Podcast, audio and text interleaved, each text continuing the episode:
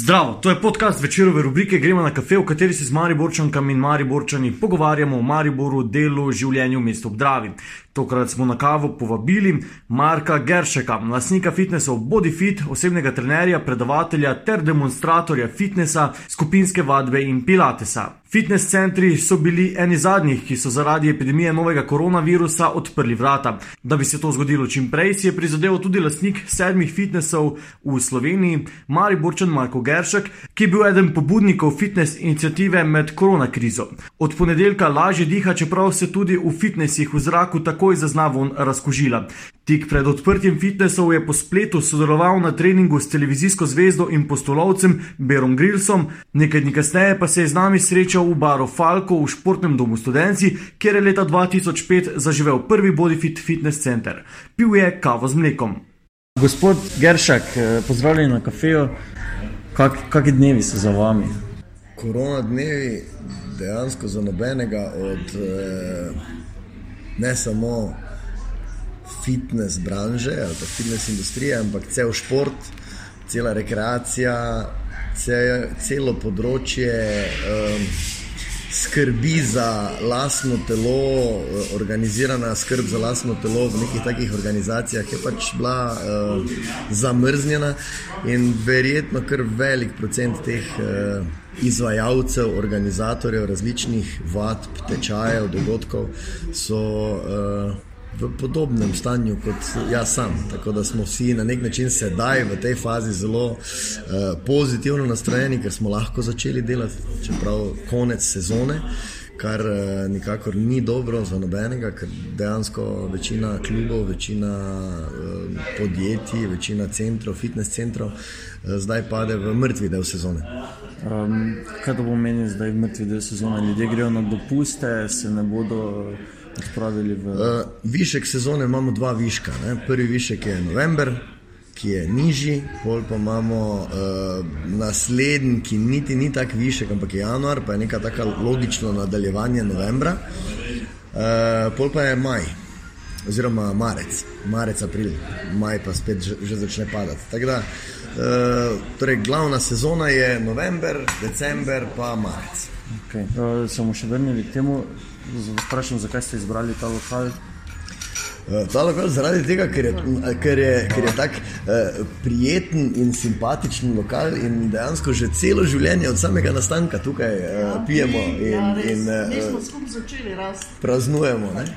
Torej, uh, Bodyfit dejansko je leta 2005 nastal uh, in je nastal kot.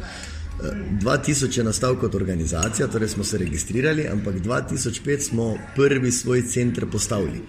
In takrat se je tudi ta lokal odprl, takrat se je cel ta del te stavbe postavil, končal, finaliziral. In dejansko na nek način nas spremljajo in vse spremljamo drug drugega od vsega. Takega bolj resnega začetka. Ne? Ker prej smo imeli te vadbe po telovadnicah, pa po različnih dvoranah, Uh, tu pa smo postali uh, osamosvojena enota in la, smo dobili lasten center. Kava z mlekom uh, redno ali pač v priložnosti? Uh, kava z mlekom je kot na nek način en taki, en taki uh, anti. Uh, alergenski šot. Tako da na nek način se, eh, kar se tiče laktoze, kar se tiče eh, tudi mogoče malo sladkorja, tudi malo kave, na nek način šokiraš telo zjutraj, da se prebudi eh, v smislu prebave, presnove, metabolizma in vsega ostalega. Sama kava je apsolutno bolj zdrava kot kava z mlekom. Ampak ni takega stresa za organizem zjutraj, ki ga pa jaz verjamem, da vseeno potrebuje. Okay, okay. Uh, gremo zdaj k, nazaj k bodyfitu. Omenili um, ste zgodovino, mogoče je fajn vseeno, da razložite, kako velik je bodyfit, ker ni samo Mariborski, pa, pa še ne vem, to, da se v Mariboru tudi ta gradnja bodyfita, pa nadgrajevanje tudi na zadnje zgodilo. Bodyfit se je začel. Uh, ustvarjati in razvijati v glavah tam od leta 92-93. Uh, nismo vedeli takrat, da smo Bodyfit, ampak smo pač bili skupina uh, prijateljev, uh, vadečih, uh, navdušencev nad vadbo, nad gibanjem, nad fitnessom, nad bodybuildingom. In uh, tisto, kar nam je bilo v tej skupini enako in enotno, v Sloveniji takrat ni obstajala neka organizirana organizacija, ki bi bila strokovno vodena, ki bi bila strokovno prepoznana ali pa kakorkoli drugače povezana z mednarodno sceno. Fakulteta za šport še ni imela nobenega programa na področju fitnesa, kakšne druge organizacije niso imele ničesar, nič se ni dogajalo. Takrat je prihajala v Slovenijo Akademija za fitness in aerobiko, to so bili neki taki začetki, malo bolj organizirane zadeve. Ampak um, ni bilo ničesar na takšnem nivoju, kot smo mi takrat želeli in pričakovali. In zato smo se začeli združevati, organizirati in razmišljati, na kak način bi to prenašali k nam. In uh, prvo, kar je pač mene um, vleklo, me je vedno vleklo k viru. Pomeni, da če je nekaj, kar je potrebno, kar bi želel dojeti, razumeti, ne bom delal tega uh, daleč, daleč proč, ampak bom šel čim bliže tam, kjer se to dogaja. Prvi ti viri so bili sosednja Avstrija, Italija, potem pa Nemčija, potem pa Anglija, potem pa Amerika, potem pa pač tudi Brazilija in vse te, vse te uh, lokacije, ki so me potem dalje vlekle, da sem vedno bolj prihajal k viru Amerike, zaradi tega, ker dejansko Amerika je na nek način. Uh, Kako naj rečem, najbolj ekspanzijska država, eh, kar se fitness industrije tiče, in največ, najbolj znanih strokovnjakov eh, se je doma prav od tam, ali pa največ zanesenjakov, ali pa največ nekako. Glavim, vsi trendi, vse neke take aktualnosti, ki so prihajale, še vedno prihajajo, v glavnem iz Amerike. Okay. In pol ste gradili zgodbo Tako, in potem, ko, ko smo že med, tem, med temi mojimi popotovanji in povezovanji po svetu z različnimi strokovnjaki, z različnimi šolami, z različnimi organizacijami, smo mi ustanovili BodyFit, društvo, ki je eh, začelo delovati čisto ljubiteljsko, čisto izvajali smo različne vadbe. Eh, leta 2000 smo potem organizirali prvo konvencijo strokovno v Mariboru in potem eh, smo začeli dejansko za takimi aktivnostmi, ki so bile promocijsko, izobraževalnega, rekreativno-športnega značaja. Zgodba se je razširila po Sloveniji, Defit centri. Tako, pol pa, pol pa dejansko, torej v prvi vrsti že leta 97, ko sem jaz uh, zaključil vse tečaje v Sloveniji, ki so takrat bili, pa potem tudi nekaj že tečajev v tujini, smo mi že 97, 96 leta začeli s prvimi tečaji kot body fit inštruktor tečaji v Sloveniji, v Mariboru. Tako da to so bili eni prvih tečajev v Mariboru, v tem delu. Uh, in smo. Uh, In je vse baziralo prvo na tem, ker tem sko, skozi te tečaje smo na nek način širili glas, kaj delamo, kako delamo, na kak način delamo. In kar hitro se je v tistih letih 98, 99, 2000 se je naše število povečalo iz številke recimo 4-5 na številko 15. Uh, in uh, v tem času. Uh, potem z temi kongresi, z temi različnimi aktivnostmi, ki so različne športne dvorane nam jih začele ponujati, da jih lahko pri njih izvajamo, da lahko to delamo in tako dalje, se je pač vedno bolj interes nekako večal in širil in potencial širil. Potem sem jaz uh, odšel v tujino v Ameriko za dve leti, leto pa pol in sem dejansko delal tam in sem bil čisto pri viru in čisto se uh, izobraževal pri takšnih in drugačnih uh, strokovnjakih. Uh, in ko sem prišel nazaj z neko uh, malho denarja, torej z neko kapaciteto, s katero smo lahko malo vložili in malo uh, se podprli, torej neke prve svoje rekvizite kupili, prve neke svoje. Um, Tudi tečaje mednarodne si potem skupinsko plačali in na tak način se je začela razvijati ta ideja o prvem Bodifi centru. Čisto na začetku leta 2000 smo imeli, tako sem rekel, po različnih lokacijah z različnimi partnerji, različne vadbe in uh, individualne treninge in tako dalje. Ampak leta 2005 pa smo potem prišli do tega, da se je prvi center na študencih, torej Bodyfit študenci, odprl. V svoji taki, uh, za tisti čas zelo uh, kompleksni in zelo drugačni podobi od vseh ostalih fitness centrov do takrat dejansko je bilo uh, največje števi, možno število drobnih pripomočkov, različnih uh, takih um, naprav in, in uh, segmentov fitnesa, ki jih centri takrat niso imeli. Tako da, če primerjamo, kako je leta 2005 center nastal, pa zdaj. Je še vedno zdaj zelo, zelo sodoben center v primerjavi z vsemi ostalimi, čeprav že ima zdaj 15 let za sabo in je kar na nek način ena taka zibelka, torej body fit kot takega.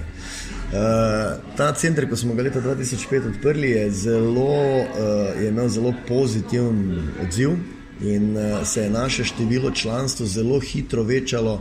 Po 100 in 100 in 100 članov, tako da smo zelo hitro se približevali številki tisoč, še z vsemi ostalimi aktivnostmi, ki jih imamo. Uh, in je dejansko postala potreba po, po nečem novem. V tem trenutku se pa je pojavila ena priložnost. Jaz sem začel svojo resno, strokovno, profesionalno kariero v fitnessu uh, termalno-rekreacijskega centra Fontana.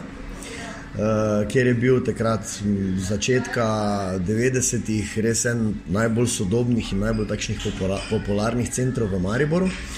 Uh, in takrat so oni imeli težavo in povpraševanje, da bi naj nekdo znova, jaz sem bil tam zaposlen praktično skoraj deset let, uh, da bi naj nekdo znova prevzel ta center.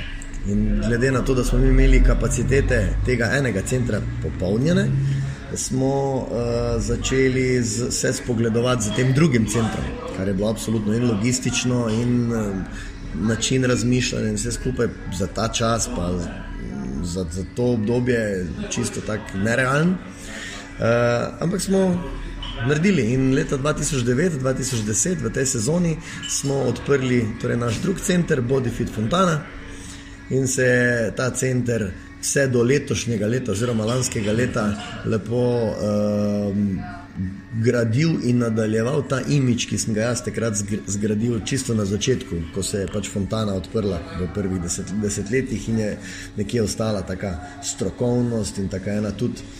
Uh, Enega zibelka, tudi ena zibelka modernega fitnesa v, v, v eh, Mariboru. Eh, pol pa na, takoj zatem pa so na nek način začele prihajati druge ponudbe, torej različnih koncev Slovenije, da če želimo se aktivirati, želimo center odpreti v Ljubljani, v Domžalah, v Postojni, v Novem mestu, v Kranju in tako dalje. Ampak dejstvo je, da logistično smo bili absolutno premajhni. Torej, to je bilo, mi smo bili Mariborska eh, skupinica, samo Mariborčanov ko je nekdo omenil Ljubljano in da greš v Ljubljano delati biznis in da greš delati posel takega, takega kova, je to bilo bolj za, zastrašujoče, ker je bilo, no, kaj te zdaj, ne, kak, kak, kak, kaj pa bo tam, nas bojo sprejeli, bojo prepoznali strokovnost, bojo vedeli, kaj delamo, kako delamo. Res je, da sem jaz v vsem tem času bil vodja, programski vodja na Fitness zvezi in na uh, teh drugih institucijah, ki so takrat dejansko se razvijale v Sloveniji in imele neko vlogo v, na, v slovenskem področju, tako da sem več ali manj vse te lasnike in sceno zelo dobro poznal. In smo vseeno potem se odločili za uh, domžalski domžalsko lokacijo in odprli leta 2011-2012 uh, tretji Bodyfit center Bodyfit Domžale. In smo potem v Domžala začeli. To je bil velik preskok, zato ker je bil ta center uh, štirikrat večji v primerjavi z uh, mariborskimi centri do takrat. Ne? Torej je to tam 1300 kvadratov in toliko večje in toliko bolj nekako Domžale vseeno veljajo za en takšen eno tako eh, mondeno predmestje Ljubljane ne, in je to malo, malo eh, višji standard na splošno storitev in pričakovanj eh, eh, vadečih. In smo preživeli. Bilo je težko, ni bilo lahko, je bilo zelo naporno, ker dejansko je bilo to. Tam, ko, ko ti prideš v neko tako okolje kot Mariborčani in dejansko sami Mariborčani, tam pa se potem povežeš in združiš z lokalpatrioti njihovimi. Ne? te na začetku malo čudno gledajo, mislijo, da ni, ni vse ok s tabo in da kaj zdaj, kako zdaj. Ne? In da so vsa pričakovanja bila, da tako ne bomo, da bomo tako propadli, da tako ne moremo to shendlati. Ampak nam je uspelo ne? in smo na nek način zadevo uh, izpeljali, takoj dve leti zatem odprli Bodifit Kamnik, torej naslednji center v Kamniku. Potem, oziroma, uh, takrat, ko smo domžalski center odpirali, smo še odpirali Bodifit City, torej se je Hotel City odpiral. Smo tudi uh, v City odpirali, torej tretji center v Mariboru in potem Bodifit Kamnik in potem Bodifit Ljubljana. In uh, to so bili tisti taki zelo močni preskoki, zato ker vsi ti ostali centri v nadaljevanju so bili pač v centralni Sloveniji.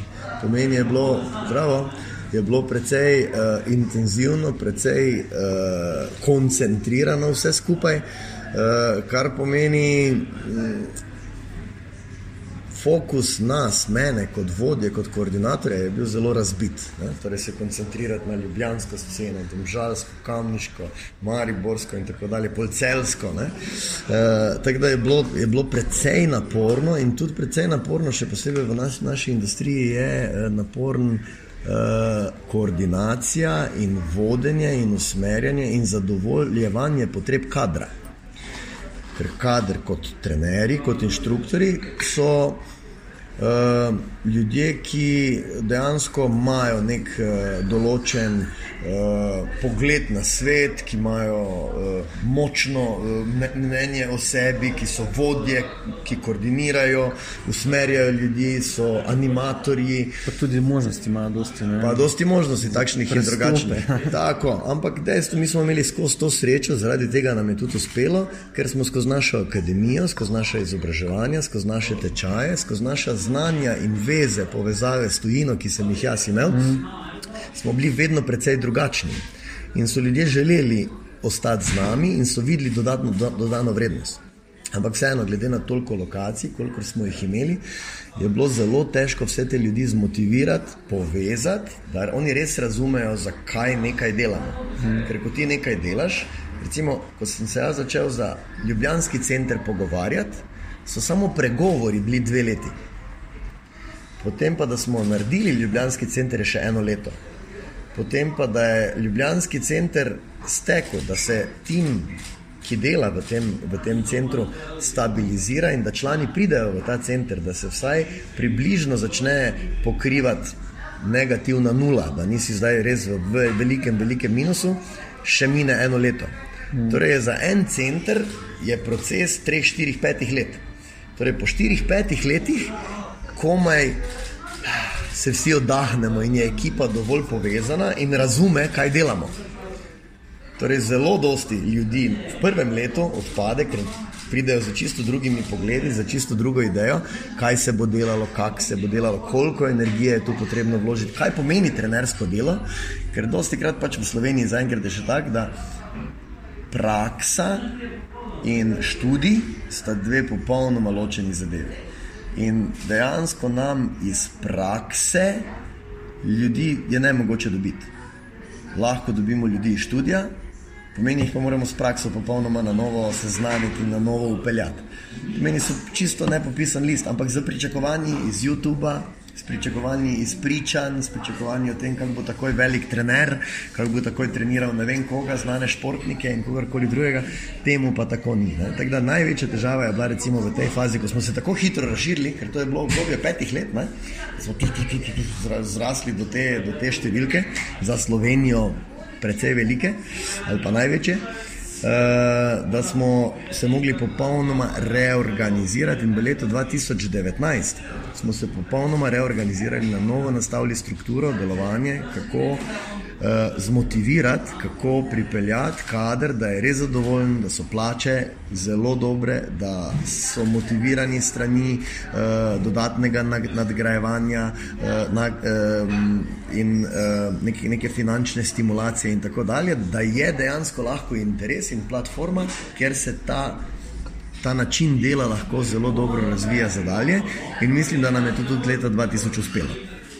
In v letu 2000, uh, leta 1000, uh, 2019 uspelo, uh, v letu 2020, torej konec leta 2019 se pa je zgodilo to, da je prišel na Fontano nov lasnik, torej smo center na Fontani morali zapreti in je pač se zgodila priložnost, da smo enostavno prevzeli, kupili center. Eh, Medeja, ki je zelo potencijalno in pozitivno v Mariboru se razvijal, in smo ga popolnoma preobrazili v, in nadgradili še v Bodifi Center, ki je zdaj uh, tako vzhajajoče sonce v Mariboru. Dejansko pred korona časom uh, so bili zelo pozitivni odzivi in uh, veliko število novih članov je prihajalo. Sedaj, po korona času, lahko že rečem, že samo včerajšnji dan, ko je prvi dan bil, zelo pozitivni odzivi. Spet dosti novih članov, ki kar pridejo, kar sprašujejo. Kaj ti dejansko tam, zdaj, kar se tiče fitness industrije v Mariboru, je to center, ki ima najširšo paleto možnosti, ki je najbolj kompleksen, najbolj izpopolnjen in dejansko lahko uh, ponudimo vsem generacijam, obema spoloma, uh, vsem interesnim skupinam, športnikom, rekreativcem, uh, rehabilitacija. Postrehabilitacija, regeneracija, sproščanje. Torej, vsi lahko dobijo tisto, kar bi želeli in kar potrebujejo. In na nek način je to zdaj taka češnjica na vrhu sadne kupe, ker je dejansko od vseh bodifi centrov najbolj izpopolnjen center in nadgradnja. In tudi, če bi vse centre opazovali od prvega do sedmega, so čisto vsi centri se tako stopnjevali in nadgrajevali, da je vsak. Boljši, večji, širši, bolj izpopolnjen, bolj nadgrajen. Tako da, tudi če gremo po vseh teh centrih, lahko vidimo, kako naš razvoj, kako se je vse skupaj razvijalo, koliko, koliko se na nek način ideja Bodifita skozi ta leta in skozi te centre uh, širila.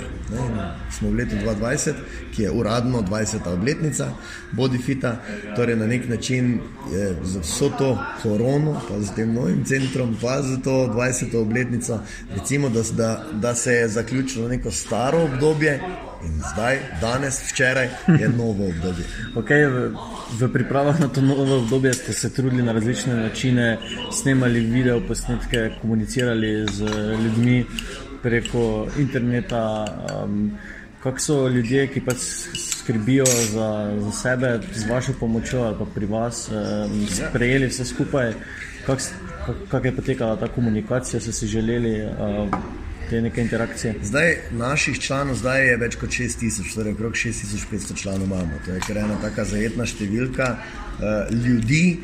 Ki ob tem času, ko se je to vse dogajalo, ko je to, to ugašanje se zgodilo čez noč, je to bil precej močan pritisk na me, na naše sodelavce, na moje sodelavce, in uh, je precej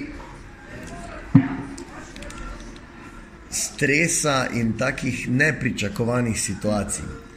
Jaz mislim, da smo mi v tem obdobju kar spretno se odzvali in prilagodili na situacijo in začeli takoj z online zgodbo, ki je bila v tem korona obdobju čisto en sam obliž, torej samo da smo malo obliž dali in da smo nekako preizkusili, ker nikdar, če se to ne bi zgodilo, ne bi na tak način preizkusili te online platforme, kako vse skupaj deluje, kako se skupaj res, ker si zaposlen z realnimi stvarmi v življenju, ki jih moraš primiti, delati in fitness centri in vse ostalo, so stvari, ko ne morejo biti tako online, če to delaš. Ne? Zdaj pa dejansko smo imeli čas, da smo se posvetili torej tem. Internetnim zadevam, in mislim, da smo jih kar dobro preizkusili, dobro naštudirali. In že samo zato, eh, za temi prvimi videoposnetki, ki smo jih takrat na začetku, že praktično pred začetkom korone začeli, uh, ker je pač se že napovedovalo, da bo, kaj bo, na kak način bo, so bili odzivi spektakularni. So bili odzivi absolutno takšni, da smo potem zavihali rokave in začeli res na polno delati. In smo dejansko do zdaj, samo do zdaj, v tem času posneli okrog eh, več kot 70 vadbenih zvrsti in več sto posnetkov različnih, uh, tudi vaj in različnih um, meditacij, ogrevanj in različnih tipov, ki jih lahko potem v nadaljevanju še bomo nadgrajevali in ponujali našim vadečim, našim članom, našim pripadnikom. Ja, Čau. čau. Vedel sem, da boš se bo poslovil. Um, kako pripravljeni so prišli zdaj ljudje v fitness včeraj in nazaj? Se pozna kaj razlika, da pač je bilo pomanjkanje? Ra- Razlika je, da so vsi zmedeni, da so vsi uh, zmedeni, mislim, vsi smo zmedeni. Ne? Se zdaj samo ta agonija okoli maske, ja, maske ne, kaj so priporočila, kaj so navodila, kaj je to. Tako da uh, tukaj vseeno se lahko naša država malo sama sabo zmeni, kaj, kaj sploh bi rada, pa kak, na kak način. Jaz mislim, da nobene potrebe ni mest ljudi. In pač na tak način je tudi zdaj to zgledalo. Ljudje ne vejo, ne? ker slišijo toliko nekih različnih informacij, kontrainformacij. Uh, ampak je zelo zanimivo, so zelo, zelo hvaležni in že včeraj so bili centri proti pričakovanjem zapolnjeni. Uh, odzivi zelo pozitivni, um, vadba tekoča, inštruktori navdušeni, uh, vsi, vsi kadri, čistilke, vsi, vse, vse, vse štimalo, vse je čisto, vse, vse, vse diši po uh, razkuževanju. Tako dejansko nek nov začetek uh, je tak uh, z, z veliko žlico. Uh, na sporedu. Ne? In uh, upam, da se bo tako tudi potem lepo nadaljevalo dalje, in da ne bo nekih drugih večjih motečih faktorjev, ki bi z nekimi zunanjimi nepotrebnimi vplivi uh, rušili možnost uh, krepitve imunskega sistema posameznikov. Na, imate uvid v različna mariborska, pač različna slovenska mesta za svojimi centri, eh, kako so mariborčani angažirani, eh, disciplinirani za, za obiskovanje, pa ne vem, delo Ja. v, v vaših centrih. Zdaj, tak, tisto, kar sigurno smo, smo Mariborčani eni taki trdoživi pesjani, Okay. v primerjavi z drugimi. Uh, mislim, da imamo kar trdo kožo. No? Mislim, da imamo kar trdo kožo, da smo kar. Uh, Zdaj ne vem, mogoče zato, ker smo Mariborčani, ampak so mi najbolj všeč vseeno Mariborčani, kar se tiče, uh, kdo smo, kaj smo, pa na kak način smo. Uh, Druge se mi zdi, da je še toliko več um, pritoževanja in konstantnega nekega nezadovoljstva. Mi pa dejansko imamo neko mogoče malo slabšo izhodišče in slabšo situacijo, glede na zadnjih 10-20 let stanja, ki ga v Mariboru imamo. Uh, in uh, mislim, da nismo toliko mlečni, toliko, toliko um, nerazpoloženi. Glede na stanje smo v osnovi ful razpoloženi, ful uh, odprti, še vedno ful uh, gostoljubni, kar pa primerjavi s kako Gorensko, pa centralno slovensko regijo ni na tak način, niti približno. Tako da smo, ma- imamo kar dosti takih pozitivnih lastnosti, kar se tiče tega. Kar se tiče vadbe, Pa mislim, da vsi Slovenci smo zelo v primerjavi z drugimi Balkanci ali pa drugimi državami, recimo bivše Jugoslavije, smo dosti bolj aktiven narod kot pa, kot pa ostali. No, pa to, je, to je v nas, v krvi, ne vem, ali je to zaradi uh, hribov, ali je to zaradi pač narave uh, in okolja, ki ga imamo v, tem, v tej naši uh, zeleni državici, ampak smo dosti, dosti bolj aktivni. Kaj pa plačilna disciplina, ker vem, za fitness se, se pač ve, da so vem, karte, da se šmugla, kaj. Ni pri nas eh, body fit program, body fit sistem, ja. ne, na tak način, to, kar sem razlagal, da smo. Ja. Uh, ti, trudim se, da delujemo zelo sistemsko in da delujemo zelo organizirano. Ker moramo, ker smo zdaj že toliko veliki in dejansko je toliko nekih situacij in toliko nekih možnosti za poškodbe, za nepravilnosti, za nepravičnosti. Za ne. In tukaj valjda zelo hitro ljudje takoj pokažejo s prstom, kaj se dogaja, kdo kaj dela, zakaj to ni tako, zakaj je to karkoli pač. Ne? In uh, se v prvi vrsti zelo trudim, da je sistemsko čim bolj izpopolnjeno delovanje.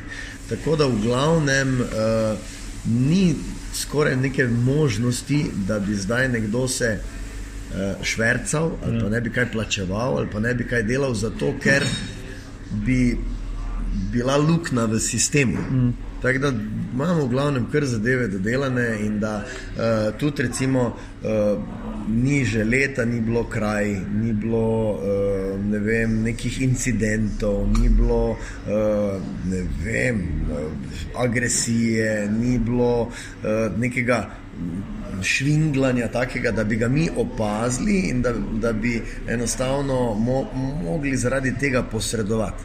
Ne? Imamo pa vse sisteme tako nastavljene, da pa bi opazili, če bi se to dogajalo. O, še dve vprašanje. Okay. Ne, imam, jaz drugače sem si tako zrihtel, da imam okay. čas. Um, imam videl, da imamo čas. Uh, v bistvu ocena ponudbe na trgu v Mariboru, verjetno več veste, kaj se dogaja uh, glede fitness centrov. Kak, kak jo ocenjujete? Fitness center je zdaj tisto, kar je zdaj problem fitness centra, da je sorazmerno mlada panoga. Torej, panoga, ki izvira, izhaja iz 80-ih let pomeni, recimo, da je tam dobrih 30, 40, maksimalno 50 let. V Sloveniji recimo rečemo dobrih 30 let, aktualna. Mm. Uh, pomeni, da je to super mlada zadeva. In zdaj dejansko neki parametri, in tudi zdaj v tem korona času, ko smo mi začeli z fitness inicijativo, smo začeli z to uradno fitness inicijativo in s tem pisanjem, ker se je pokazalo, da sploh nimamo predstavnika na nivoju države, s katerim bi lahko sodelovali, s katerim bi komunicirali. Prej sem že omenil Fitness zvezo. Fitness zveza je zveza društev, je zveza, ki deluje na principu sokolskih društev, TVD Partizanov, torej tako kot je včasih bilo. Zdaj pa v glavnem vsi fitness centri so uh, DOI, SP, torej druge oblike pravnih oseb in nikakor sploh ne grejo v ta zakon o društvih in o teh zvezah. Tako da dejansko so nas zdaj uh, porinili kar na novo, to smo zdaj čisto na novo, juhej, v Ministrstvu za gospodarstvo, torej gospodarsko panogo in uh, bo potrebno na tem področju seveda nekaj narediti in nekaj nadgraditi. Zdaj pa ravno zaradi tega, ker pa je takšen kaos, ni nobenih standardov. To pomeni, da nekdo se odloči, jaz pa bom zdaj fitness trener, drugi teden je že on fitness trener in tretji teden že on začne uh, služiti kot fitness trener. In to celo uradno, zato ker si lahko to vse registrira in gre na iPad in to vse podpiše in on ima, uh, nudi storitve kot osebni trener. Pol pa drugi primer, nekdo pa bi rad bil lastnik fitnesa, nekdo pa bi rad fitnes odprl. Ima par tisoč evrov, ker zdaj je zadevo, lahko že rečeš, da imaš fitnes center, narediš za par tisoč evrov. Uh, in je on lastnik fitnes centra, nima pa nobenih izkušenj, ni fitnes trener, nikjer se ni učil, samo je imel denar in je imel navdih, da bo to dosti denarja preneslo in da bo zaslužil. Zelo hitro ugotovi pa, da temu tako ni in vsako leto v Sloveniji propade veliko število fitness centrov in drugih nekih vadbenih centrov, ki nastajajo. Tako da, po mojem, smo eni ni statistike, ampak kolikor jaz opazujem, to, so to za, za 200 centrov v Sloveniji poprečno, je, so to številke vsaj 10% na leto se jih menja. Uh, pomeni, ni standarda, ni, ni uh, cenovnih uh, nekih stopenj ali pa razporeditev. Ampak zdaj v glavnem so ideja nizkocenovni fitness centri, kar pa pomeni uh, brez, uh, strokovne, uh, brez strokovnega vodenja, brez strokovnega nadzora, brez osebnega kontakta, torej vse je mehanizirano, vse je pač dama tukaj na pravo, dama tukaj vadbeno postajo, ti pa zdaj vadi, ti pa zdaj delaj. Torej, in tukaj je potrebno, to je pa zdaj delo za fitness inicijativo v prihodnje, da postavimo te standarde. Tisto, kar mi kot bodi fice plasiramo, želimo enostavno delati tako kot skozi od začetka, strokovno in kvalitetno. To pa pomeni, da nas v Slovenijo uvršča v neki srednji cenovni razred. Pomeni, niti približno ne želimo, da bi bili nizkocenovni, ker to pač pomeni, da je tisto, da ne moreš potem imeti kadra, ne moreš imeti strokovnega svetovanja, ker to pač ni potem v tem primeru pomembno, ampak da enostavno našim članom dejansko lahko nudimo največ za zelo malo denarja.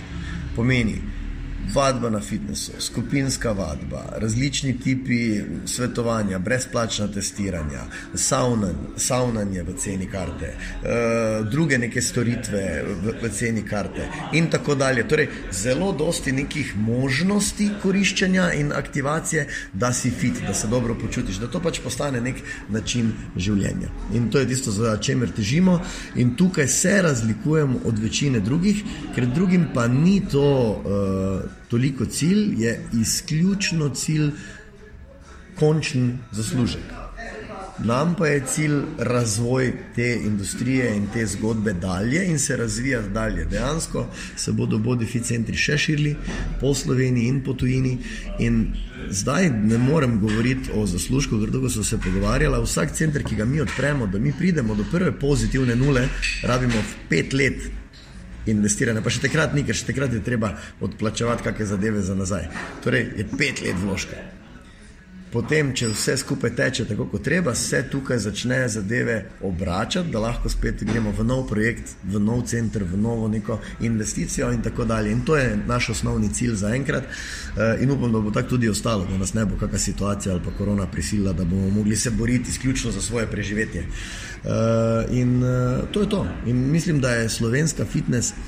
Eh, cenovna politika, slovenska fitness industrija, slovensko fitness gibanje kot takšno, zelo na začetku in zelo v razvoju.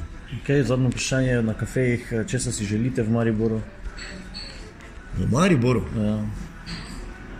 Hm. Torej zdaj, zdaj se moram skoncentrirati, ker ne smem povedati tisto, kar zdaj direktno, direktno bi govoril. Te... Prosim.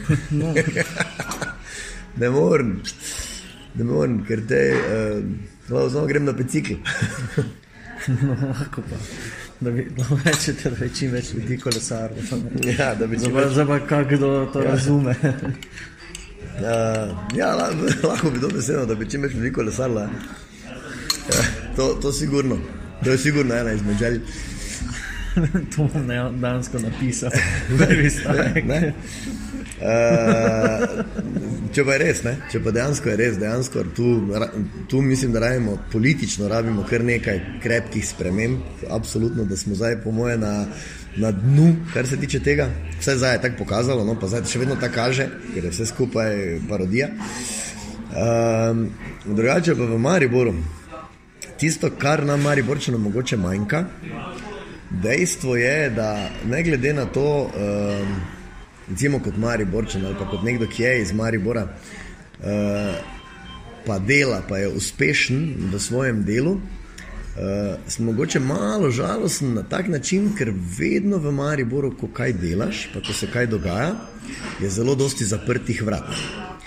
To pa ne vem, ali je to zaradi občutka konkurenčnosti, ali je to bolj občutek nekega malo meščanstva, ampak kamorkoli drugam pridem, kjerkoli drugje delamo, kot uh, Štajerc v Ljubljani, kot Štajerc v Domžalah, v Celju, kot uh, Slovenec v Avstriji, kot Slovenec na Hrvaškem, Srbiji, Angliji, kjerkoli, zelo cenijo, kar delamo in na kak način delamo.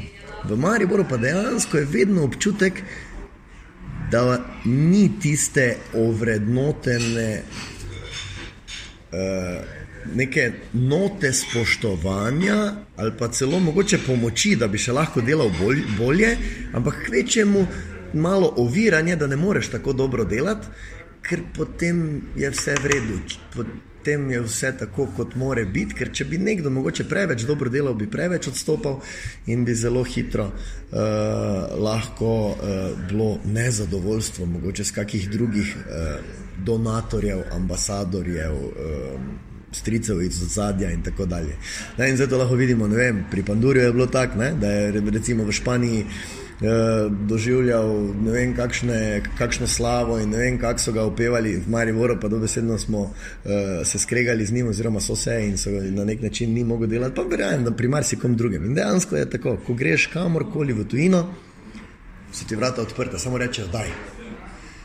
Ko prideš tukaj kamorkoli na kakšen urad, rečejo, ne vem, če bo šlo, ne gre, ne da se. Ne? In to je ta razlika. Da, če bi se tukaj mogoče Maribor malo odprl, bi poleteli kot uh, lahkotna ptica. Okay.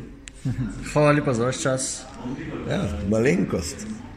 To je bil podcast večerove rubrike Gremo na kafe. Pogovarjali smo se z Markom Geršekom. Jaz sem jih dajčman pod tem imenom, me najdete na Instagramu, Facebooku in Twitterju. Do zanimivih vsebin dostopate s klikom na večer.com članki na spletni strani večera, odslej plačljivi, za 99 centov lahko preberete prav vse.